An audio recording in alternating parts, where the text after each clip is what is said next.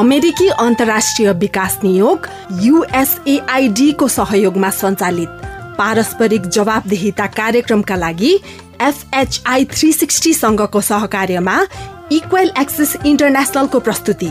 साझा बोली रेडियो बहस।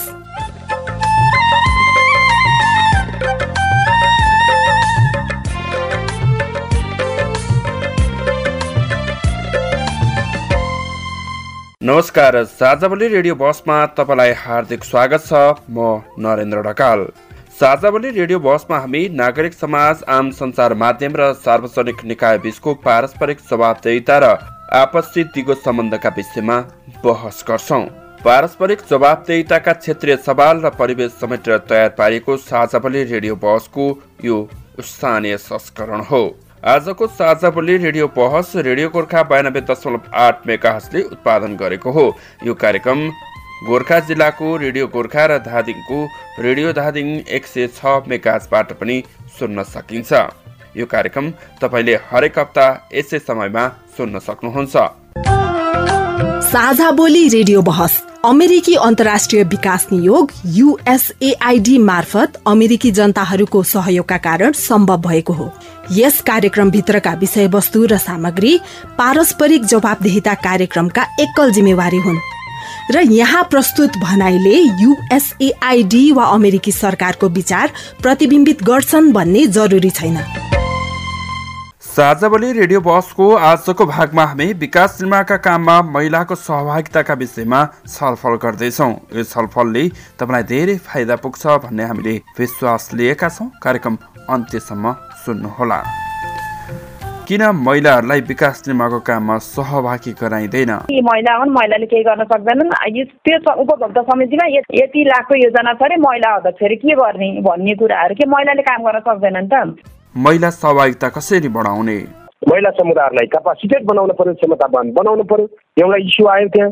अनि उहाँको उहाँको सिपमा उहाँको क्षमतामा जहाँनिर त्रुटि देखिन्छ त्यहाँनिर अलिकति अपग्रेडिङ गर्नु पर्यो।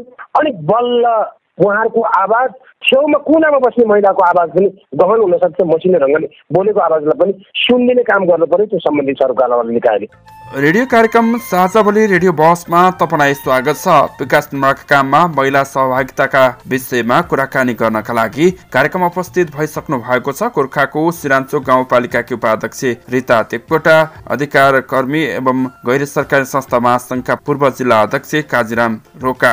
नेपालको संविधानले समानुपातिक समावेशिताको ग्यारेन्टी गरेको छ। सोही अनुरूप राज्यका हरेक क्षेत्रमा महिलाको सहभागिता कम्तीमा तेत्तिस प्रतिशत हुनुपर्छ भन्ने बाध्यकारी व्यवस्था गरिएको छ। सोही अनुरूप महिलाहरू राज्यका विभिन्न क्षेत्रमा सहभागी भएका छन्। उनीहरूको अर्थपूर्ण सहभागिता भने अझै हुन सकेको देखिँदैन। कार्यक्रमको सुरुवातमा गोर्खाकी पत्रकार अनुपमा खनालका कुरा सुनौ अनि छलफल प्रारम्भ गर्नेछौँ। आजको छलफल तपाईँका लागि अर्थपूर्ण हुनेछ। कार्यक्रम अन्त्यसम्म सुन्नुहोला। यो पछिल्लो समय सबै क्षेत्रमा महिलाको सहभागिता बढ्दै गए जस्तै यो निर्माणका क्षेत्रमा पनि महिलाको सहभागिता बढ्दै गएको पाइन्छ। पूर्वाधार विकासका कामहरूमादेखि लिएर हरेक क्षेत्रमा त्यो उल्लेख्य सहभागिता त छ। तर सहभागिता त नाम मात्रामा मात्र सीमित पनि देखिन्छ। किनकि एउटा पदाधिकारीमा महिला अनिवार्य राख्नै पर्ने जुन व्यवस्था छ त्यसले गर्दाखेरिमा महिला खोजेर र कसलाई राख्ने भनेर नाम राखिन्छ त्यहाँ। तर त्यहाँ त्यो उनीहरूले जुन पद पाएका छन् त्यो अनुसारको भूमिका उनीहरूले गर्न पाउँदैनन् हस्तक्षेप देखिन्छ त्यहाँ। कार्य समितिमा जुन पुरुषहरूको बाहुल्यता हुन्छ उनीहरूको हस्तक्षेप त्यो प्रत्यक्ष पनि देखिन्छ। कतिपय ठाउँमा हामी नै सहभागी भएर त्यहाँ कुराकानी गर्दाखेरि पनि महिलाहरू त्यस्तो भनिरहेको पाइन्छ भनेदेखि कतिपय ठाउँमा चाहिँ महिलाहरू आफै पनि नाम राखिदिएको हुन्छ। त्यो मिटिङमा गयो गयो गएन पनि थाहा हुँदैन। अनि यदि गएको छ भने पनि सहयोग गर्दै मेरो काम छ म निस्किहालेँ भन्ने आफ्ना कुराहरू नराख्ने आफू नेतृत्वमा आउनु नचाहेको कता नाम मात्र भए पुग्छ जस्तो गरेको त्यस्तो पनि कमजोरी चाहिँ मैले आफ्नोमा पनि कतिपय ठाउँमा देखिन्छ भने कतिपय ठाउँमा चाहिँ श्रम अनुसारको ज्याला नपाएको पुरुष सरको काम गर्ने तर त्यो अनुसारको ज्याला नपाएको यस्ता समस्याहरू पनि छन् समग्रमा। यहाँहरू दुवैजनालाई कार्यक्रममा हार्दिक स्वागत। हस् धन्यवाद। धन्यवाद नरेन्द्रजी। सिरान्चोक गाउँपालिकाको उपाध्यक्षज्यूबाट सुरु गर्छु। अहिले स्थानीय तहहरूले यो महिलाहरूलाई विकास निर्माणको काममा कसरी सहभागी गराउने गरेका योजनामा महिलाहरूलाई अहिले तेत्तिस प्रतिशत महिलाहरू नै सहभागी गराउनु पर्छ भन्ने किसिमले उपभोक्ता निर्देशिका नै हामीले तयार गरि गरिसकेको अवस्था छ। जसमध्ये पनि हामीले तिनजना मुख्य पदमध्ये चाहिँ एकजना महिला अनिवार्य हुन्छ भनेर हामीले त्यसमा तोकेका छौँ। चाहेको खण्डमा अरू बस्न इच्छुक हुनुभयो भने त्यहाँभन्दा बढी पनि हुनसक्छ तर त्यति चाहिँ कम्ती पनि हुनसक्छ। भन्ने एउटा निर्देशिका तयार गरेका छौँ र समितिमा महिलाहरूलाई सक्रिय बनाउनु पर्छ भनेर हामीले सहजीकरण पनि गर्दै गरेको अवस्था छ। कस्तो छ त उहाँहरूको सहभागिता? यहाँले तोकेको कोटा पुरा गर्न सकिने अवस्था छ कि अरू पनि सक्रियता देखाउनु भएको छ उहाँहरूले? अहिले सरसर्ती हेर्दाखेरिको अवस्थामा उहाँहरूको सक्रियता हामीले गाउँमा नै गएर उपभोक्ता समिति गठन गर्नलाई उहाँहरूलाई जसरी हामीले नबुझाइकन त्यत्तिकै समिति गठन गऱ्यौँ भने त अलिकति अप्ठ्यारो नै हुन्छ। तर उहाँहरूलाई जम्मा गरेर मास भेला गराएर छलफल गराउँदै जाँदाखेरिको अवस्थामा त्यस्तो गाह्रो गाउँमा बस्ने महिलाहरू धेरै जस्तो त गाउँमा नै महिलाहरू नै बस्ने भएको हुनाले महिलाहरूलाई एउटा जिम्मेवारी नदिँदा पनि काम गरिरहेको अवस्था हुन्छ। तर जिम्मेवारी दिँदै जाँदाखेरिको अवस्थामा उहाँहरू बस्न नमान्ने भन्ने समस्या चाहिँ हुँदैन। उहाँहरू बस्नुहुन्छ। र मुख्य पद मध्ये एक पदमा पनि बस्नु भएको छ। र कतिपय अध्यक्ष बनेर पनि काम गरिरहनु भएको अवस्था छ जस्तै महिला सामूहिक भवनहरू बनाउँदै रहँदाखेरिको अवस्थामा समुदायको लागि बनाएको हलहरूको लागि चाहिँ महिलाहरूले आफ्नै भवन बनाउँदै रहँदा हामी नै किन अध्यक्ष नबस्ने त? हामी नै सक्छौँ नि भनेर पनि कतिपय ठाउँमा महिलाहरू अध्यक्ष बसेर पनि काम गर्नुभएको पनि हाम्रो उदाहरणहरू छ। बाहिरबाट हेर्दा त उहाँहरूलाई राख्ने तर पुरुषहरूले नै काम गर्ने पुरुषहरू नै हाबी हुने निर्णय प्रक्रियामा पुरुषहरूकै सक्रियता देखिने जस्तो देखिँदो रहेछ। हेर्दाखेरिको अवस्थामा त हजुरले गरेको क्वेसनलाई होइन भन्नलाई त मैले अलि सक्दिनँ। तैपनि यो अब हाम्रो पितृसत्तात्मक सोच बोकेको एउटा देशमा चाहिँ त्यो त पक्का पनि हो। तैपनि अब हामीले अधिकार जुन एउटा जिम्मेवारी लिइसके पछाडि चाहिँ त्यसलाई मैले आफ्नो काम कर्तव्य र अधिकारलाई अघि बढाउनको लागि जस्तो हामीले सहजीकरण गऱ्यौँ भने चाहिँ उहाँहरूलाई नदिने भन्ने त हुँदैन। यता कता अब त्यस्तै हो हिजो अस्तिदेखि नै चलिआएको चलन। ठिकै छ तिमी समितिमा छौ तर मै गर्छु भनेर कतिपय पुरुषहरूले हिजो भन्नुहुन्थ्यो भने आजको अवस्थामा चाहिँ हामी मुख्य भाइटल पोस्टमा बस्ने तपाईँहरूले सही गरिदिएर तपाईँहरू निर्णय गरिदिएर हुन्छ भन्ने पनि कतिपय हामीले उपभोक्ता समितिमा भेटेका छौँ। अब यता कता एउटा दुइटा समग्र रूपमा एउटा दुइटामा चाहिँ भनाइ पुरुषहरूले पेल्न नखोज्ने अवस्था त होइन तर पेल्न खोज्दाखेरिको अवस्थामा सहजीकरण गरेर उहाँहरू अघि चाहिँ एकदम सक्रियका साथ अघि बढ्नुहुन्छ। हामीसँग अधिकार कर्मी एवं लामो समयदेखि यो गैर सरकारी संस्था मार्फत विभिन्न क्षेत्रमा काम गर्नुभएका गैर सरकारी संस्था महासङ्घका पूर्व अध्यक्ष काजीराम रोकाजी पनि हुनुहुन्छ। यो सिभिल सोसाइटीले नागरिक समाजले हेर्दाखेरि अहिले भन्नलाई चाहिँ अब यो महिलाको सहभागिताको कुरा धेरै चर्चामा चल आउने गर्छ। ठ्याक्कै व्यवहार त के देख्नु भएको छ? अहिले कुरा आइसकेको छ। नेपाल संहितामा गइसकेको यो परिवेशमा करिब करिब अबको वैशाखको समय अवधि आइपुग्दै गर्दाको सन्दर्भमा करिबन पाँच वर्षको कार्य यो दौरानहरू समाप्त हुँदैछन्। स्थानीय निकायमा महिलाको सहभागिताको सन्दर्भमा महिलाहरूको उपाध्यक्षको जो खालको रेसियोमा बाध्यकारी अवस्था राज्यले सिर्जना गर्यो। अनि निर्वाचित वडाहरूमा पनि एकजना खुल्लाबाट र एकजना टिपिकल्ली त्यो दलित कम्युनिटीबाट भन्ने ढङ्गले जुन ढङ्गले महिलाहरूको सहभागिता देखाइरह्यो तर अहिले जोड्नु भएको तपाईँको यो प्रसङ्ग यो विषयवस्तु बडो अहिलेको समय सान्दर्भिक छ। विकास निर्माणको काममा महिलाको सहभागिताको कुरा जुन गरिरहनु भएको छ यो राज्यले देखाएको एउटा डकुमेन्टको डकुमेन्टको निर्भरतामा जिउन बाध्यकारी महिलाहरूको सन्दर्भमा कुरा उठाउनुपर्छ। अहिले सिरान्चोको उपाध्यक्षज्यूले जो कुरा राखिरहनु भएको छ उहाँहरू कार्यान्वयनकर्ताको रूपमा एक्ज्याक्टली महिलाको सहभागिताको विषयमा उहाँहरूको आवाज बुलन्द हुनु स्वाभाविक हो। उहाँहरूको कर्तव्य निष्ठता पनि त्यहाँनिर देखिन्छ। तर मै म एउटा कार्यान्वयनकर्ताको हिसाबले एउटा अधिकार कर्मीको हिसाबले जो खालको निर्माणको सन्दर्भमा गैर सरकारी संस्थाहरूले निर्वाह गरिरहेका कार्य कार्यक्रमका कार्यान्वयनका सन्दर्भमा हामीले देखेका कुराहरूको सन्दर्भमा महिलालाई जसरी त्यो ग्रासरुट्सको महिलालाई जुरुक्क उठाउनु खा उठाउने खालको कुनै पनि खालको त्यो अवस्था अझै पनि देख्न सकिरहेका छैनौँ। जहाँ सहभागिताका कुरा थियो सहभागिता हुनुहुन्छ उहाँहरू। अहिले रिता म्यामले भने चाहिँ गरी सहभागिता अनिवार्यता त राज्यले दिएको निर्देशिका बमोजिम त्यो सहभागितामा मात्रै सीमितता देखिन्छ। गराउनलाई मात्रै उहाँहरूलाई सहभागी गराएको अवस्था छ। म भन्दैछु नरेन्द्रजी राज्यले दिएको डकुमेन्टलाई फलोअप गर्नका लागि यो बाध्यकारी अवस्था हो भने उहाँहरूको सहभागिता अनिवार्यता छ त्यो राज्यले दिएको डकुमेन्टको आधारमा। तर उहाँहरूको दायित्वबोधको हिसाबले जुन जिम्मेवार पदहरूमा अध्यक्ष सचिव र कोषाध्यक्ष मध्ये एकजना अनिवार्य महिला हुनुपर्ने या तिनैजना महिला भए पनि राज्यले स्वीकार गर्नुपर्ने जुन अवस्थामा उहाँहरूलाई जुन खालको पोस्टमा राखिन्छ अनि उहाँहरूलाई त्यो चलाउने हिसाबको सन्दर्भमा कुरा गर्ने हो भने चेकमा दस्तखत गर्ने पात्रको रूपमा मात्रै उभ्याइएको देखिन्छ। यद्यपि त्यो चेकबाट कति पैसा निस्कँदैछ र कति बजेट कार्यान्वयन हुँदैछ उहाँहरूले न त बिलमा एनालाइसिस गर्न पाउने अधिकार उहाँले प्राप्त गर्नुभएको छ। यद्यपि म पुरुष भएको नाताले पनि यो मेरो पनि कमजोरी हुन सक्ला। त्यो कार्यान्वयनकर्ताको रूपमा कार्यान्वयन गर्दै जाँदाको सन्दर्भमा पनि कमी कमजोरी हुन सक्ला। तर बाध्यकारी एउटा उभोसको सन्दर्भमा कुरा गर्ने हो भने उहाँहरूलाई दस्तखत गर्ने बाध्यकारीको अवस्थामा दस्तखत गरिन्छ भने फरफारकका हिसाबले बिल्डिङमा कति निर्माणको कामहरूमा कति पैसा खर्च भयो? भोलि हामी सार्वजनिकीकरणको कुरा गरिरहेका छौँ। त्यो नगरिकन हुँदैन। राज्यले गरेको प्रभावको विषयमा त्यो नीति नियमलाई अवलम्बन गर्नुपर्ने जरुरता छ। तथापि पनि अहिले ग्रासरुट्सका महिलाहरू जुन खालको उपभोक्ता समितिमा निर्माण समितिमा अनि अर्को कार्यकारिणी समितिमा जहाँनिर हुनुहुन्छ यो पुरुषको हाबी भएको अझै पनि यो संहिताको सङ्घारमा पुगिरहँदै गर्दा महिलाहरूको अभाव सिद्धता त त्यही प्रश्न देखिन्छ नारायणजी अहिलेको सन्दर्भमा। राज्यको नीति फलो गर्नका लागि अनुसरण गर्नका लागि मात्रै गरिएको अवस्था छ भन्ने चाहिँ यहाँको निष्कर्ष रह्यो। म यो अर्थले त्यो कुरा गरिरहेको छु कि नरेन्द्रजी यदि अधिकार प्रत्य अधिकार दिने हो भने प्रत्याभूति हुने खालको अधिकार महिलालाई दिनुपर्ने अवस्था सिर्जना हुन सक्छ त्यसको लागि महिला अधिकार कर्मीहरू अहिले उपाध्यक्ष म्याडमले जो खालले आफ्नो आफ्नो जिम्मेवारीलाई दायित्वबोध गर्दै उहाँहरूले निकाल्नु भएको आवाजहरू त्यो ठाउँमा ठिक छ। तर ग्रासरुट्स लेभलमा जुन खालले त्यो महिलालाई त्यो खालको जिम्मेवारी अपनत्व सिर्जना हुने गरी दिनुपर्ने कुराहरूको विषयमा पुरुषकै हाबी भएको कतिपय ठाउँमा देखिन्छ। एकात्म देखिने कुरा आफ्नो ठाउँमा रहला। यो स्वयं महिलाले आफूले खोसेर लिनुपर्छ भन्ने अधिकारको सन्दर्भमा त लिने कुराहरूको विषयमा एकात्म देखिने कुरा धारणा रह्यो नै। तर जुन खालले अहिले राज्यले दिएको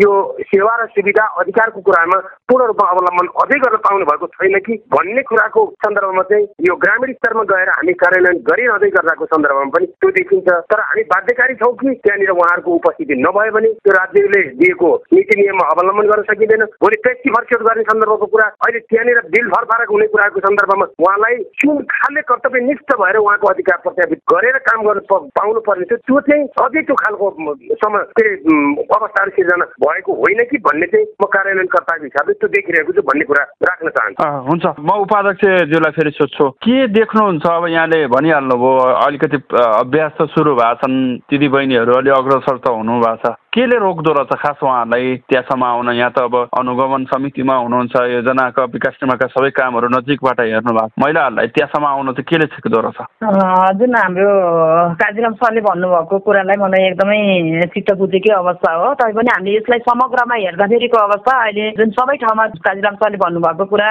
सबै ठाउँमा लागु हुन्छ भन्न पनि म सक्दिनँ। समग्रमा धेरै जस्तो ठाउँमा चाहिँ जुन चाहिँ समस्या जे भन्नुभएको छ त्यो हन्ड्रेड पर्सेन्ट ठिक पनि छ। तर हामीले त्यसलाई चाहिँ न्यूनीकरण गराउन पर्छ भन्नको लागि सिराञ्चोक गाउँपालिकामा चाहिँ हामीले एउटा महिलाहरू तेत्तिस पर्सेन्ट कार्य समितिमा राख्ने भन्दै रहँदा भाइटल पोस्टमा महिला राख्ने भन्दै रहँदाखेरि अघि नै जुन हाम्रो काजीराम सरले जोड्नु भएको समस्यालाई न्यूनीकरण गराउनको लागि समितिमा राख्दैमा पक्का पनि उहाँहरू सक्षम हुनुहुन्छ अनि आफूले लिएको जिम्मेवारी पुरा गर्न सक्नुहुन्छ भन्ने हामीलाई पनि त्यो एकदमै डाउट लागेको कारणले नै हामीले एक दिने ओरिएन्टेसन गोष्ठी पनि हामीले वडामा गएर नै महिलाहरूलाई नै उपभोक्ता समिति त्यसमै पनि विशेष गरेर महिलाहरूलाई आफ्नो जिम्मेवारी आफू त्यहाँ पदमा बस्दै रहँदाखेरि आफूले जिम्मेवारी लिँदै रहँदाखेरिको अवस्थामा हामीलाई कस्ता कस्ता दुविधा आउँछौँ के काम गर्नुपर्छ आएका दुविधालाई कसरी घटाउने कसरी हटाउने कसरी हामीले त्यसलाई न्यूनीकरण गर्न सक्छौँ भन्ने बाटोमा चाहिँ हामीले जुन योजना शाखा मार्फत म अनुगमन समितिको संयोजकको हैसियतले म आफू नै जानेर योजना शाखाबाट प्राविधिकहरू लिएर नै हामीले ओरिएन्टेसन गरिरहेका छौँ। त्यसो हुँदाखेरिको अवस्थामा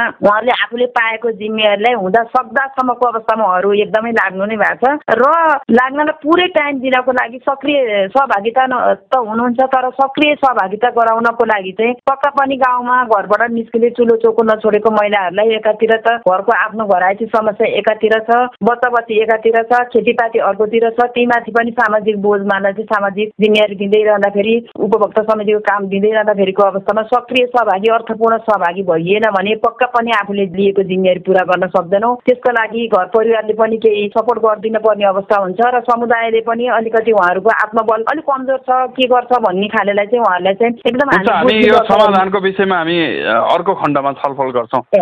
म का काजीराम रोक्काज्यूबाट फेरि जान चाहन्छु। उहाँले भनिहाल्नुभयो होइन अब सरकारी क्षेत्रको त हामीले अहिलेसम्म कुरा गऱ्यौँ। अहिले त नेपालमा धेरै खालका सरकारी निजी साझेदारी अर्थात् भनौँ अब यो गैर सरकारी संस्था मार्फत पनि थुप्रा कामहरू भएको छन्। यहाँले नेतृत्व गर्ने वकालत गर्ने ठाउँमा पनि पुग्नु भएको छ। यो गैर सरकारी संस्थाहरूले चाहिँ उहाँहरूलाई यस्तो यस्ता कामहरूमा अगाडि बढाउन चाहिँ के काम गरिरहेको छ बडो सान्दर्भिक प्रश्न यहाँले उठान गर्नुभयो। राज्यको सहयोगी निकायको रूपमा साझेदारी गर्नका लागि गैर सरकारी संस्थाहरूको स्थापना र गैर सरकारी संस्थाहरू राज्यलाई सहयोग गर्ने एउटा निकायको रूपमा राज्यले दिएको संरचनालाई आधार मान्दै त्यो विधि र विधानलाई आधार मान्दै कार्यान्वयनमा गएको एउटा वैधानिक खालको यो सङ्घ संस्था ऐन दुई हजार चौतिसले अवलम्बन गरेका कुरालाई अवलम्बन गरेर कार्यान्वयनमा गएको कुरा हो। गैर सरकारी संस्थाले के कुरा गर्छ भने जहाँनिर पछाडि पारिएको समुदाय जहाँनिर अधिकारबाट वञ्चित समुदाय जहाँनिर आवाज बुलन्द बनाउन नसक्ने आवाज विहीनहरूको आवाजलाई बाहिर निकाल्ने कुराको विषयमा यी यावत कुराहरूको विषयमा राज्यले गर्ने सबै कामका लागि सङ्घ संस्थाहरू क्रियाशील ढङ्गले क्षमतावान छन् भन्ने ढङ्गले राज्यको अर्को निकाय नभइकन राज्यलाई सहयोगी राज्यको सहयोगी निकायको रूपमा निस्किएको गैर सरकारी संस्था हो। अहिले यहाँकै कुरालाई जोड जोड्दै जाँदाखेरिमा हामीले महिलालाई कसरी महिलाको क्षमता अभिवृद्धि गर्नुपर्छ बालबालिकाको क्षेत्रमा अपाङ्गता भएका क्षेत्रमा विविध आवत विषयमा कुरा आउँदै गर्दाखेरिमा पनि सेक्टोरियलले कुरा गर्ने हो भने तपाईँको मुख्य एजेन्डामै कुरा गर्नु पर्दाखेरिमा महिलाको सहभागितामा किन न्यूनीकरण हुन्छ भने पहिलो कुरा त सम्बन्धित त्यो घरबाट त्यो महिलालाई बाहिर निस्किने वातावरण सिर्जना जबसम्म हुँदैन। तबसम्म त्यो महिलालाई एउटा दस्तखत गर्ने अनि प्रतिनिधित्व गर्ने र त्यो सहभागिता गर्ने कुरा मात्रै रहन्छ। जब त्यो घरबाट त्यो महिलाले आफूलाई स्वतन्त्र ठानेर बिहानदेखि बेलुकासम्मलाई फेरि पास बस्नु पर्ने कन्डिसनको कुरा आयो भने फेरि यो संस्कारले के अवलम्बन गर्छ भने यहीँनिर नेगेटिभली नेगेटिभली एनालाइज गर्छ यो समाज भने चुम्डुबुरीको चुम्डुबुरीमा एउटा योजना निर्माणको भरभारको सन्दर्भमा चुम्डुबुरीको त्यो गाउँपालिकाले दिएको के अरे बजेटको रेसियो अनुसार भन्दा पनि बढी रहे तर त्यो गोर्खा बजारबाट फरफारा गर्नुपर्ने त्यहाँ आएर त्यो गर्नुपर्ने अवस्था आयो भने चौध दिन लाग्ने अवस्थामा त्यहाँबाट त्यो महिला निस्कन पाउने अवस्था छ कि छैन? त्यो विषयमा गैर सरकारी संस्थाहरूले एडभोकेसी गर्ने कुरा यो बाध्यकारी अवस्था हो र दायित्व पनि हो यो राज्यलाई सहयोग गर्ने निकायको रूपमा हो। मैले यहाँनिर तपाईँले निकालेको समस्याको कुरा फेरि आउँदै पछाडि कुरा गर्छु भनिरहनु भएको छ।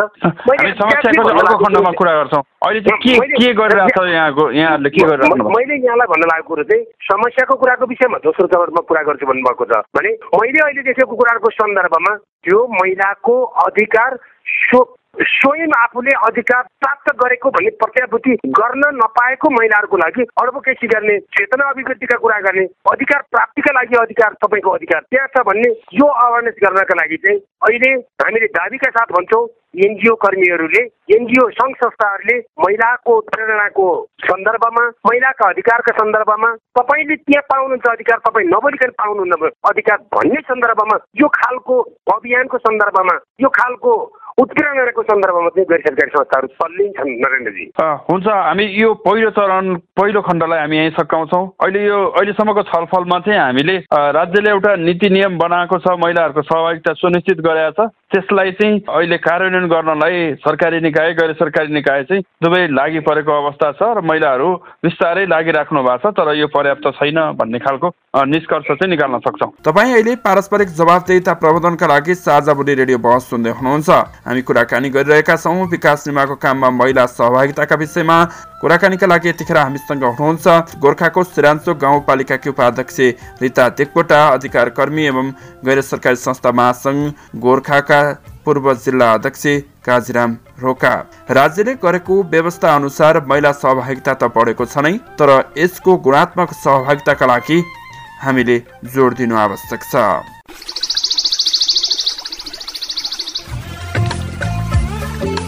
प्रश्न परिवर्तनको सुरुवात हो। जवाफ रूपान्तरणको आधार हो। प्रश्न आविष्कारको जननी हो। जवाफ सुशासनको परिणाम हो। त्यसैले प्रश्न सोधौ जवाफ खोजौ। तपाईँले हामीलाई पैसा नलाग्ने नम्बरमा फोन गरेर आफ्ना कुराहरू भन्न सक्नुहुन्छ। एनसेल प्रयोग गर्नुहुन्छ भने अन्ठानब्बे शून्य पन्ध्र एकहत्तर शून्य उन्तिसमा फोन गर्न सक्नुहुन्छ।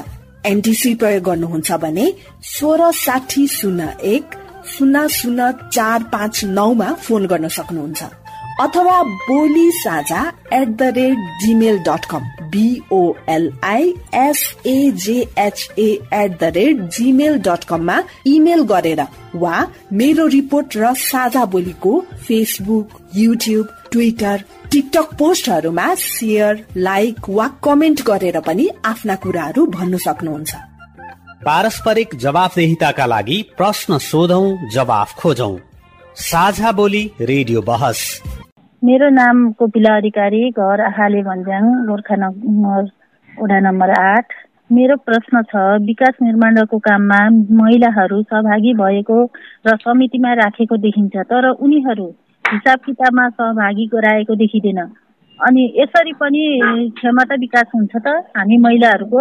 के समस्याले चाहिँ महिलाहरू त्यहाँसम्म आउन नसकेका रहेछन् भन्ने विषयमा हामी यो खण्डमा छलफल गर्छौँ। म फेरि उपाध्यक्षज्यूलाई सोध्छु। अघि नै मैले थोरै कोट्याएको पनि थिएँ। यहाँले हरेक उपभोक्ता समितिको काम हेर्नु भएको छ महिलाहरूसँग कुराकानी गर्नु भएको छ। लामो समयदेखि राजनीतिक सामाजिक रूपमा तिनै समुदायसँग प्रतिनिधित्व गरेर काम गरिराख्नु भएको छ। किन चाहिँ महिलाहरू चाहिँ ठ्याक्कै यो काम गर्न आउन सक्दैनन्? महिलाहरूलाई सक्रिय सहभागी बनाउनको लागि पहिलो खुर्किलो भनेको आफ्नो घर परिवार नै हुन्छ। त्यसमा जब घर परिवारले सपोर्ट गर्दैन घर परिवारबाट सकारात्मक सोच लिएर हामीले चाहिँ घर परिवारबाट अगाडि बढाउन सक्दैनौँ भने त्यसले पनि कतिपय ठाउँमा दुविधा ल्याएको अवस्था छ। अघि बढ्दै रहँदाखेरि हाम्रो समाजले हेर्ने दृष्टिकोण पनि अझै महिलाहरूलाई हामी तुलनात्मक रूपमा हिजोको अवस्थाभन्दा आज विकास नभएको होइन महिलामा चेतना नभएको होइन नेतृत्व तहमा पुगेर पनि निर्णय गर्न नसकेको अवस्था होइन।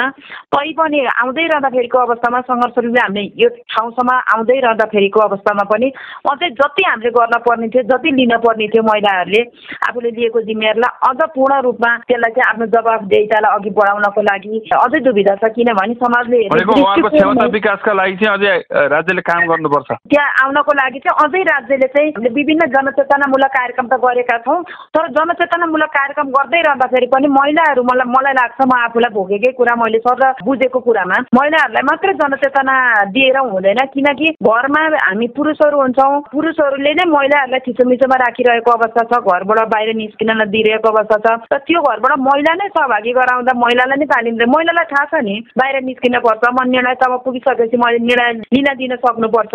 मैले लिएको जिम्मेवारी पुरा गर्नुपर्छ भन्ने कुरो थाहा छ। तर त्यो पुरा गर्न नदिनको लागि पुरुषहरूले नै अङ्कुश लगाइरहेको अवस्था छ। त्यस कारणले गर्दा त्यस्तो अप्ठ्यारो पार्ने जुन समाजमा अथवा घरमा अप्ठ्यारो पार्ने पुरुषलाई नै विभिन्न तालिम गोष्ठीहरू दिँदाखेरिको अवस्थामा अवस्थामा त्यस्ता जनचेतनमूलक कार्यक्रम दिँदाखेरिको अवस्थामा चाहिँ को कोलाई दिने त? कसले समाजलाई अलिकति अप्ठ्यारो पारेको छ? कस्तो व्यक्तित्वलाई दिने भन्ने कुरा चाहिँ अलिकति पहिचान गरेर हामीले त्यसलाई पहिचानको पहिचान गरेर त्यस्तोलाई चाहिँ हामीले तालिमहरू दिन सक्यौँ भने चाहिँ अझै सहज हुन्छ भन्ने म आफूलाई लाग्छ। धेरै जसो नेपालमा चाहिँ अनियमितताका कुरा भ्रष्टाचारका कुराहरू पनि धेरै सुनिन्छ। यहाँहरू जस्तो गैर सरकारी संस्थाहरूले ट्रान्सपरेन्सीका कुराहरू पनि बाहिर ल्याएको चर्चा गरेको सुनिन्छ। महिलाहरू त्यहाँ ल्याउँदा चाहिँ अलिक काम गर्न चाहिँ अप्ठ्यारो हुन्छ भन्ने मानसिकता पुरुषहरूमा हुन्छ भन्ने खालको यता कता सुनिन्छ। यसलाई चाहिँ कसरी लिनु भएको छ नरेन्द्रजी यो यो विषयमा कुरा गर्नुपर्दा भ्रष्टाचार कहाँ हुन्छ? अनियमितता कहाँ हुन्छ? इमान्दारिता कहाँ गुमिरहेको छ? भन्ने सन्दर्भमा कुरा गर्नुपर्दा अहिले सिरान्चोक गाउँपालिकाको उपाध्यक्ष म्याडमले भनिरहनु भएको छ उहाँहरू न्यायिक समितिको जिम्मेवार ठाउँमा बसेर एउटा निर्वाचित जनप्रतिनिधिको भूमिका निर्वाह गरिरहनु भएको छ। कार्यान्वयन भयो या भएन सही रूपमा उपलब्धि भयो या भएन भन्ने मामलाको हकमा उहाँहरू छर्लङ्ग समुदायगत ढङ्गले उहाँहरू महिलाको पाइला पाइलामा पुग्न सफल हुनुभएको छ भने हामी मैले यो पच्चिसौँ वर्षको सन्दर्भमा कुरा गर्नुपर्दा यो एनजिओ सेक्टरमै बसेर पच्चिसौँ वर्षको काम गर्ने दौरानको मेरो एक्सपिरियन्सलाई यहाँहरूको सामु सेयर गर्नु पर्दाखेरिमा जहाँनिर महिलालाई जिम्मेवारी दिइएको छ त्यो उपभोक्ता समितिमा महिलाहरूकै नेतृत्वमा सबै कुरा दिएको छ अध्यक्ष उपाध्यक्ष सचिव लगायतको टिमै महिलालाई बनाइएको छ त्यहाँनिर दाबीका साथ भन्न सकिन्छ त्यो योजना सफल भएको छ। यद्यपि म पुरुष हुनको नाताले यो भन्न सक्दिनँ कि पुरुषमा हुने खालको अनियमितता भ्रष्टाचार त्यो कुरोमा इमान्दारिता देखिने भनेको चाहिँ महिलामा देखिएको प्रष्टता हुन आउँछ। यद्यपि हामीले कतिपय ठाउँमा त्यो खा खानेपानीका आयोजनाहरू सम्पन्न गरिरहँदै गर्दाको सन्दर्भमा विभिन्न खालका कार्यक्रमहरूको आयोजना गरेर सम्पन्न गर्दै गर्दाको सन्दर्भमा अहिले म पूर्व मेचीदेखि पश्चिम महाकालीका महाकालीसम्मको विभिन्न खालका कार्यक्रमहरूलाई लिएर जाँदै गर्दाको सन्दर्भमा पनि मैले के प्रश्न देख्छु भने कार्य समितिमा महिलाहरूको सहभागिता एक्ज्याक्टली महिलाले लिडिङ गरेको समुदाय देख्दै गर्दाखेरिमा पुरुषको भन्दा प्रतिशतकै हिसाबले पनि राम्रो काम भएको चाहिँ देखिन्छ त्यो इमान्दारिता त्यो महिलामा देखिएको कारणले गर्दा।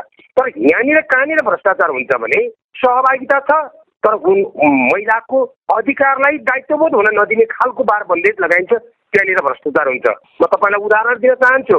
तपाईँ कोषाध्यक्ष हुनुभयो। म गोर्खाको कुनै गाउँको ठ्याक्कै ठाउँको नाम नबताउँ। उहाँलाई कोषाध्यक्ष बनाइएको छ। बयालिस लाखको योजनाको काम सम्पन्न गरिएको छ। उहाँ कोषाध्यक्ष हुनुहुन्छ। उहाँलाई गाडीमा टिकट काटेर गाडीमा राखेर ल्याइएको छ। राष्ट्रिय वाणिज्य ब्याङ्कमा आइसकेपछि उहाँले चेकमा साइन गर्नुभएको छ। उहाँलाई गाडी भाडा दिएर घर पठाइएको छ। तर बयालिस लाखको काममा कति कार्यान्वयन भयो कति पुग्यो कति बढी भयो कति पुगेन भन्ने कुराहरूको विषयमा उहाँलाई जानकारी हुँदैन। यो भ्रष्टाचार भनौँ अनियमितता भनौँ इमान्दारिताको पराकाष्ठ भनौँ। यो हामीले बडो गम्भीर ढङ्गले विश्लेषण गर्नुपर्ने देखिन्छ। त्यही भएको हुनाले भ्रष्टाचार नहुनका लागि अनियमितता नहुनका लागि कमसे कम कार्य समितिमा उपभोक्ता समितिमा निर्माण समितिमा एवं समितिहरूमा त्यो समितिमा जो खालले जिम्मेवारी महिलालाई प्रदान गरिएको छ भने दायित्व बोध हुने गरी अधिकार प्रत्यायोजन गर्यो भने इमान्दारिता त्यहाँनिर प्रश्न हुन्छ। योजनामा भ्रष्टाचार देखिँदैन। यो खण्डको छलफल गर्दाखेरि चाहिँ हामी अहिलेसम्म हामीले गरेको प्र्याक्टिसमा चाहिँ हाम्रो पुरानो चेतना परम्परागत धारणाले पनि महिलाहरूको सहभागितालाई अवरोध गरेका छ। जसले गर्दाखेरि उहाँहरूलाई अगाडि बढाउन नसकेको जस्तो देखिन्छ भन्ने हामी निष्कर्षमा पुग्छौँ। तपाईँ अहिले पारस्परिक जवाबदेता प्रबन्धनका लागि साझा बोली रेडियो बहस सुन्दै हुनुहुन्छ। हामी कुराकानी गरिरहेका छौँ। विकास निर्माणको काममा महिला सहभागिताका विषयमा कुराकानीका लागि यतिखेर हामीसँग हुनुहुन्छ गोर्खाको सिरान्चोक गाउँपालिकाकी उपाध्यक्ष रिता देकपोटा अधिकार कर्मी एवं गैर सरकारी संस्था महासङ्घ गोर्खाका पूर्व जिल्ला अध्यक्ष काजीराम रोका यी त समस्याहरू भए यति धेरै समस्याका बारेमा कुराकानी गरौँ। हाम्रो उद्देश्य महिलाहरूको सहभागिता बढाउनु पनि छ। अघि चर्चा गरेको जस्तो समुन्नत समाज निर्माण गर्नका लागि भ्रष्टाचार अनियमितता जस्ता कुराहरू रोक्नु पनि छ। प्रभावकारी कार्यान्वयनको कुरा पनि छ। उपाध्यक्षज्यू अब ठ्याक्कै उहाँले पनि कुरा उठाउनु हो। के गर्दाखेरि चाहिँ ठ्याक्कै अहिले देखिएका यी समस्याहरू समाधान हुन्छन् प्रभावकारी काम हुन्छ महिलाहरूको सहभागिता पनि बढ्छ भन्ने लाग्छ। यसलाई चाहिँ हामीले अघि बढाउनको लागि विशेष गरेर मैले अघि नै पटक पटक जोडिराखेको छु। पहिलो कुरो घर परिवारबाट नै सपोर्ट हुनु पर्यो एउटा कुरो। अर्को कुरो समाजमा चाहिँ महिलाहरूले काम समाजमा अघि बढेर काम गर्दै रहँदाखेरिको अवस्थामा उहाँहरूको आत्मबल बढाउनको लागि उहाँहरूसित नभएको होइन खुबी छ ज्ञान छ विवेक छ क्षमता छ तर आत्मबल एउटा दुइटा मान्छेले फेरि बाहिर बसेर कुरा गर्दै रहँदाखेरि उहाँहरूको हो के अरे भनेर चाहिँ थोरै अलिकति आत्मबल चाहिँ अलिक कमजोर पनि भएको कारणले पनि अलिकति दुविधा आउँछ। त्यसलाई चाहिँ छेक्दा रहेछन् पुरुषहरू हिचकिचाउँदो रहेछन् जस्तो भ्रष्टाचार अनियमितताको कुरा त एउटा सामान्य महिलाले त ठुलो भ्रष्टाचार गर्ने अनियमितता गर्ने पैसा कमाउने काम त गर्न नसक्ने अवस्था होला अहिलेको अवस्थामा। यस्तो बेलामा जुन रोक्ने परिपाटी छ यसलाई कसरी बदल्ने? अब अहिले के छ भने वास्तवमा भ्रष्टाचार गर्ने भनेको नै ठ्याक्क बुझ्ने बुझ्ने मान्छेले गर्दैन। अलिकति बढी बुझ्ने मान्छेहरूले नै गर्ने हो भन्ने मलाई लाग्छ। आफ्नो समुदायमा चाहिँ जसले आफ्नो जिम्मेवारी आफ्नो जवाबदेहिता हुन्छ आफूले इमान्दारिता सम्झिन्छ। उसले महिला समूहहरूलाई दिएको कार्यहरू अघि नै काजीराम सरले भनिसक्नु भएको छ। आफूले दिएको जिम्मेवारीलाई जस्ताको तस्तै पारदर्शी तरिकाले अघि बढ्नपर्छ भन्ने ढङ्गले लाग्नुहुन्छ उहाँहरूले त्यसमा कति पनि दुविधा नराखिकन सार्वजनिक सुनाइ गरेर भ्रष्टाचारको पाटोमा दुई पैसा पनि नगरिकन अघि बढाएको कार्य पनि छ। त्यस्तै गरेर पुरुषहरू पनि सबै भ्रष्टाचारी पनि हुनुहुन्न। सम जुन उपभोक्ता समिति भएर अनियमितता गरिरहेको अवस्था पनि छैन कतिपय। अब समग्र रूपमा हेर्दाखेरि जो चनाको छ जो बाटो टाटो छ जो समाजको अलिकति मैत हो नि भन्ने खाले व्यक्तित्वहरू हुन्छ। उहाँहरू यदि कार्य समितिमा बस्नुभयो उपभोक्ता समितिमा बस्नुभयो भने उहाँहरूले चाहिँ साँच्चै परेदेखि हामीलाई पनि घुमाउने तपाईँको कुरा नगरेको अवस्था होइन। त्यसलाई चाहिँ सहजीकरण गर्नलाई अझ हामीलाई नै कठिनै पर्छ करिब करिब यस्तो उस्तो भनेर उहाँले धेरै नानाथरी कुरा पनि गर्न सक्नुहुन्छ। तर त्यसको लागि हामीले हेर्दाखेरिको अवस्थामा जुन सरकारी गैर सरकारी संस्थाहरूले पनि यसलाई चाहिँ सहजीकरण गरेर नै काम सम्पन्न भइसके पछाडि सार्वजनिक सुनाइ अनिवार्य। यसमा चाहिँ एउटा हाम्रो माइनुटमा मात्रै सार्वजनिक सुनाइ होइन कि मास भेला नै गराएर हामीले मुख्य मुख्य व्यक्तित्वहरूलाई नै त्यहाँ सहभागी गराएर सार्वजनिक सुनाइ गराउन सक्यौँ भने पक्का पनि तुलनात्मक रूपमा हिजोको अवस्था भन्दा आज चाहिँ भ्रष्टाचार गर्नलाई उहाँहरूको त्यस्तो हिक्मत बढ्दैन भन्ने म आफूलाई लाग्छ। अब अहिलेको कानुनले महिलाहरूको सहभागिता गराउनका लागि अथवा यहाँहरू जस्तो राजनीतिक अथवा सामाजिक क्षेत्रमा बसेर काम गरिराख्दाखेरि अहिलेको कानुन पर्याप्त छ कि छैन यसलाई थपगढ गर्नुपर्ने अथवा महिलाहरूको सहभागिता सुनिश्चित गर्न थप व्यवस्थाहरू आवश्यक पर्ने के देख्नुहुन्छ? होइन अहिलेको का महिलाहरूको लागि अहिलेको कानुनले त हामीले जुन कानुनमा तोके अनुसार महिलाहरू सहभागी सक्रिय सहभागी हुने हो र उहाँहरूले पाएको जिम्मेवारीलाई चाहिँ सहज तरिकाले काम गर्न दिने वातावरण हुने हो भने अहिले हामीलाई ठ्याक्कै कोटा थप्न पर्छ पर्सेन्ट थप्न पर्छ यति चाहिन्छ भन्ने छैन। जबकि हाम्रो एउटा बुझाइ पनि छ भनाइ पनि छ कोटा थप्दैमा फेरि हामीले चाहिँ अधिकार प्राप्त गर्ने पनि हुँदैन। पाएको जिम्मेवारीले जब तेत्तिस पर्सेन्ट लिँदै रहँदाखेरिको अवस्थामा तेत्तिस पर्सेन्ट लिँदाखेरि आफूले पाएको जिम्मेवारी हामीले वहन गर्न सक्ने हो भने त्यसले नै काफी हुन्छ। के जरुरी छ त अब ठ्याक्कै के महिलाहरूको क्षमता विकासका लागि अथवा उहाँहरूलाई अग्रसर बनाउनका लागि कसले के गर्नुपर्छ भन्ने लाग्छ? पहिलो कुरो चाहिँ महिलाहरू हामीले यो मैले अघि नै पनि जोडिसकेको छु हाम्रो यो पितृ सकारात्मक सोचलाई एकदमै सकारात्मक सोचमा बदल्न पर्छ किनकि महिला हुन् महिलाले केही गर्न सक्दैनन्। त्यो उपभोक्ता समितिमा यति लाखको योजना छ अरे महिला अध्यक्षहरू के गर्ने भन्ने कुराहरू के? महिलाले काम गर्न सक्दैनन् त। त्यस्तो सोच चाहिँ पक्का पनि त्यो सोच फाल्न पर्छ तर उहाँहरूले काम गर्नलाई काम गर्दै रहँदाखेरिको अवस्थामा दुविधा आउँछ। पुरुषहरूलाई पनि दुविधा आउँछ नि। पुरुषहरू पनि अन्धल भएर बसेको अवस्था छ नि। पुरुषहरूलाई चाहिँ जानेन गरेन अलिकति अप्ठ्यारो पर्यो दुविधामा पर्यो भन्ने कुराहरू हाम्रो यो समाजले महिला होस् वा पुरुष होस्। पुरुष कार्य समिति मुख्य पदमा भएको व्यक्तित्वलाई त्यो कुरा नै गर्दैनौँ। तर एउटा उपभोक्ता समितिमा महिला बसेर काम गर्दै रहँदाखेरिको अवस्थामा कुनै समस्या आयो भने फलानुको श्रीमती त अध्यक्ष के काम हुने? फलानुको छोरी त अध्यक्ष के काम हुने? फलानुको बुहारी त अध्यक्ष के काम हुने भन्ने जस्तो कुराहरूले चाहिँ परिवर्तन सकारात्मक सोचको परिवर्तन हुनुपर्छ। किनकि महिलाहरूले दिएको जिम्मेवारीलाई महिलाले नै काम गर्न उनले सक्थेन हामीले। यदि उनले सकिनन् भने पनि थोरै काम गर्दै जाँदाखेरिको अवस्था हामीले थोरै सपोर्ट गरिदिन पर्छ है। गऱ्यौँ भने उनले काम फत्तै गर्छन् भन्ने पाटामा चाहिँ हामी गयौँ भने पक्का पनि सक्सेस हुन्छ। तर उसलाई अड्काइदिएर उसलाई चाहिँ जिम्मेवारी दिएको थियो तर जिम्मेवारी दिँदा नि महिलालाई जिम्मेवारी दिएकै त हो नि। तर खोइ त काम गर्न सक्यो भन्ने जस्तो सोच फेरि नेगेटिभ सेन्सले हेरेर त्यसलाई चाहिँ अड्काउने उयो हामी एउटा गाउँघरको भनाइ छ नि जोत्दाखेरि हलो अड्काएको जस्तो किसिमको परिपाटी ल्याइदियो भने चाहिँ त्यसले एकदमै दुविधा ल्याउँछ। त्यसलाई चाहिँ हामीले सब तरिकाले सकारात्मक सोचको विकास चाहिँ अनिवार्य हुनुपर्छ समुदायमा। मेरो नाम सुनिता बानिया भीमसेन थापा गाउँपालिका एक उपभोक्ता समितिमा महिलाहरूलाई राख्नुहुन्छ।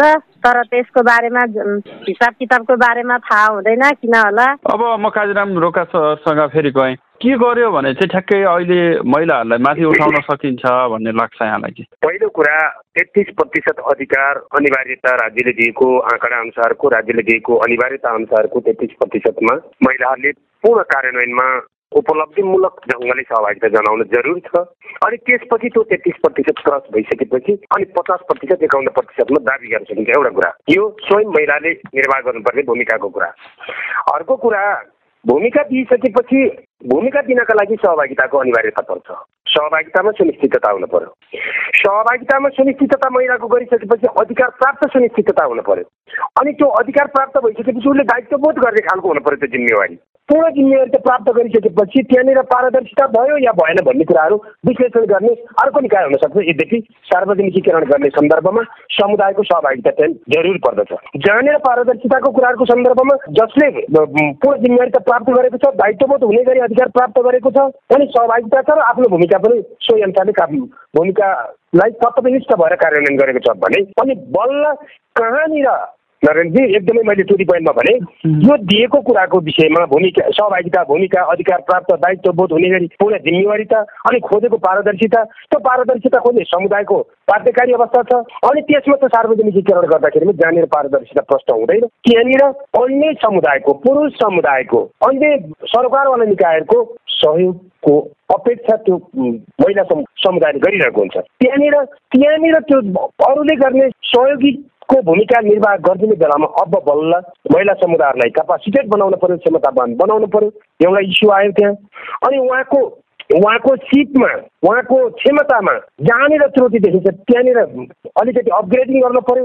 अनि बल्ल उहाँहरूको आवाज छेउमा कुनामा बस्ने महिलाको आवाज पनि गहन हुनसक्छ मसिनो ढङ्गले बोलेको आवाजलाई पनि सुनिदिने काम गर्नु पर्यो त्यो सम्बन्धित सरकारवाला निकायले यति कुरा गर्यो भने सम्बन्धित महिला समुदाय जुन निर्माणमा सहभागिता हुने खालको जेन्युन खालका महिलाहरूले एउटा दुईवटा तिनवटा चारवटा त्यो पात्रका रूपमा देखिने महिलाहरूले अनि बल्ल अरू महिला समूह महिला समूहमा त्यो कुरोलाई म्यासेजको रूपमा लैजान सक्छ। अनि त्यो गऱ्यो भने राज्यले खोजेको महिलाको तेत्तिस प्रतिशतको सहभागिता एकाउन्न प्रतिशतमा अपग्रेडिङ गर्ने हो। या तेत्तिस प्रतिशतबाट चौतिस प्रतिशत अब स्टेप वाइज गर्दै जाने हो। यो कुराको विषयमा राज्य सम्बन्धित सरकारवाला निकायहरू जुन जुन तत्त निकायहरूले महिलाको सहभागिताको सुनिश्चितताको लागि यो काममा प्रायोरिटी बेसमा अगाडि बढिदियो भने खोजेको महिलाको सहभागिता निर्माणमा महिलाको सहभागिता विकासमा महिलाको सहभागिता र उहाँहरूले प्राप्त गरेको उपलब्धि कति प्राप्त गऱ्यौँ त भन्ने खालको महसुसीकरण गर्ने अवस्था सिर्जना हुन सक्छ। मैले देखेको कुरा चाहिँ नारायणजी नै हुन्छ। अब हामी यो अहिलेसम्मको छलफलमा आइपुग्दाखेरि महिलाहरूलाई अवसर दिएर मात्र भएन। हामीले समाजले घर परिवारले सबैले सहयोग गरेर अगाडि बढाउन सकियो भने यो निर्माण क्षेत्रमा अथवा विकास निर्माणका काममा पनि महिलाको सहभागिता बढाउन सकिन्छ। यो चाहिँ सबैभन्दा धेरै प्रभावकारी हुन्छ। महिलाहरू सहभागी भएका कामहरू यहाँले भने जस्तै राम्रा र प्रभावकारी छन्। त्यहाँ भ्रष्टाचार अनियमितता हुने जोखिमहरू कम हुन्छ भन्ने खालका कुराहरू यहाँले राख्नुभयो। त्यो निष्कर्षमा चाहिँ हामी पुग्न सक्छौँ। तपाईँ अहिले पारस्परिक जवाबदेता प्रबन्धनका लागि साझा बोली रेडियो बहस सुन्दै हुनुहुन्छ। हामी कुराकानी गरिरहेका छौँ। विकास निर्माणको काममा महिला सहभागिताका विषयमा कुराकानीका लागि यतिखेर हामीसँग हुनुहुन्छ गोर्खाको सिरान्चोक गाउँपालिकाकी उपाध्यक्ष रिता देकपोटा अधिकार कर्मी एवं गैर सरकारी संस्था महासङ्घ गोर्खाका पूर्व जिल्ला अध्यक्ष काजीराम रोका।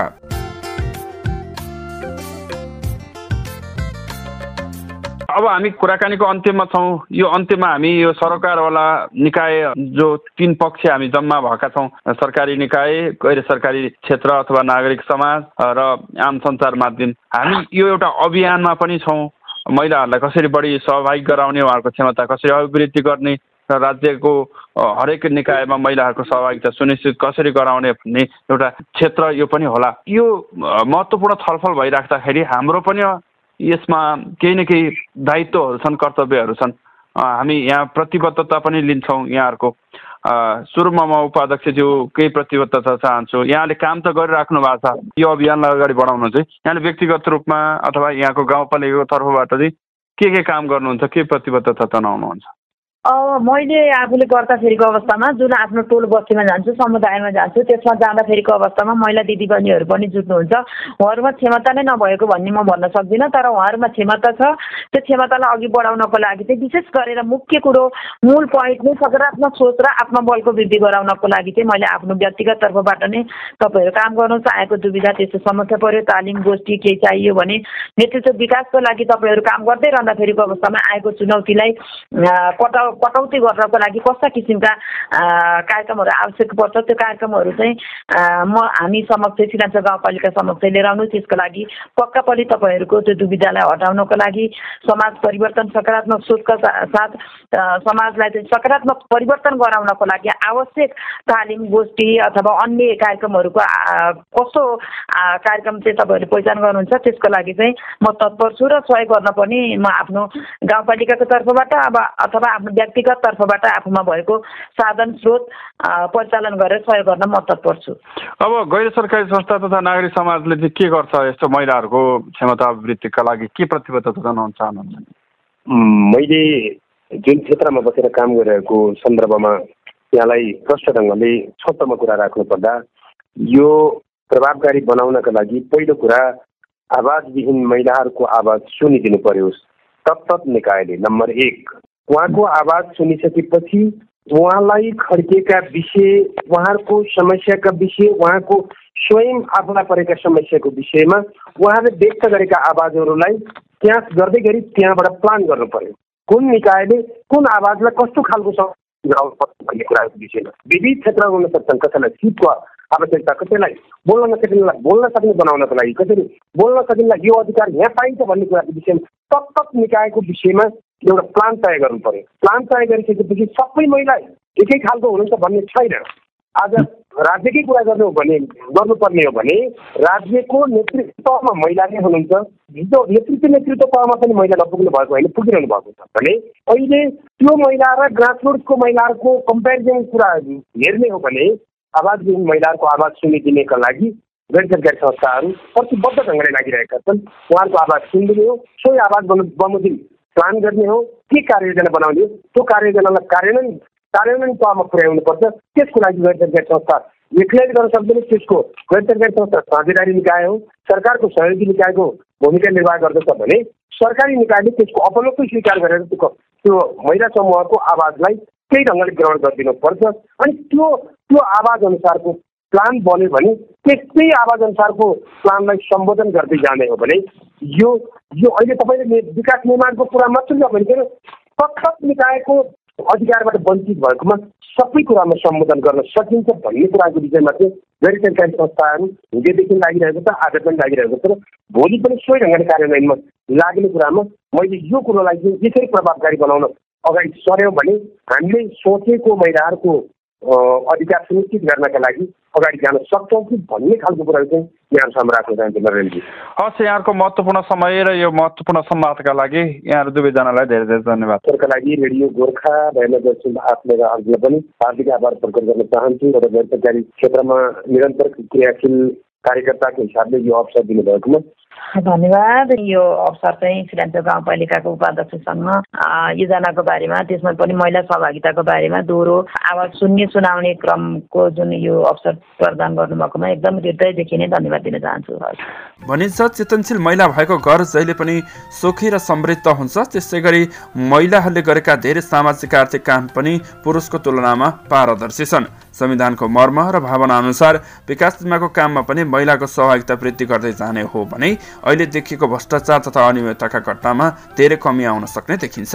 यसले देश विकासमा ठूलो टेवा पुर्याउने निश्चित छ। त्यसैले महिला सहभागिता बढाएर उनीहरूको क्षमता विकासमा राज्यले जोड दिनु आवश्यक छ।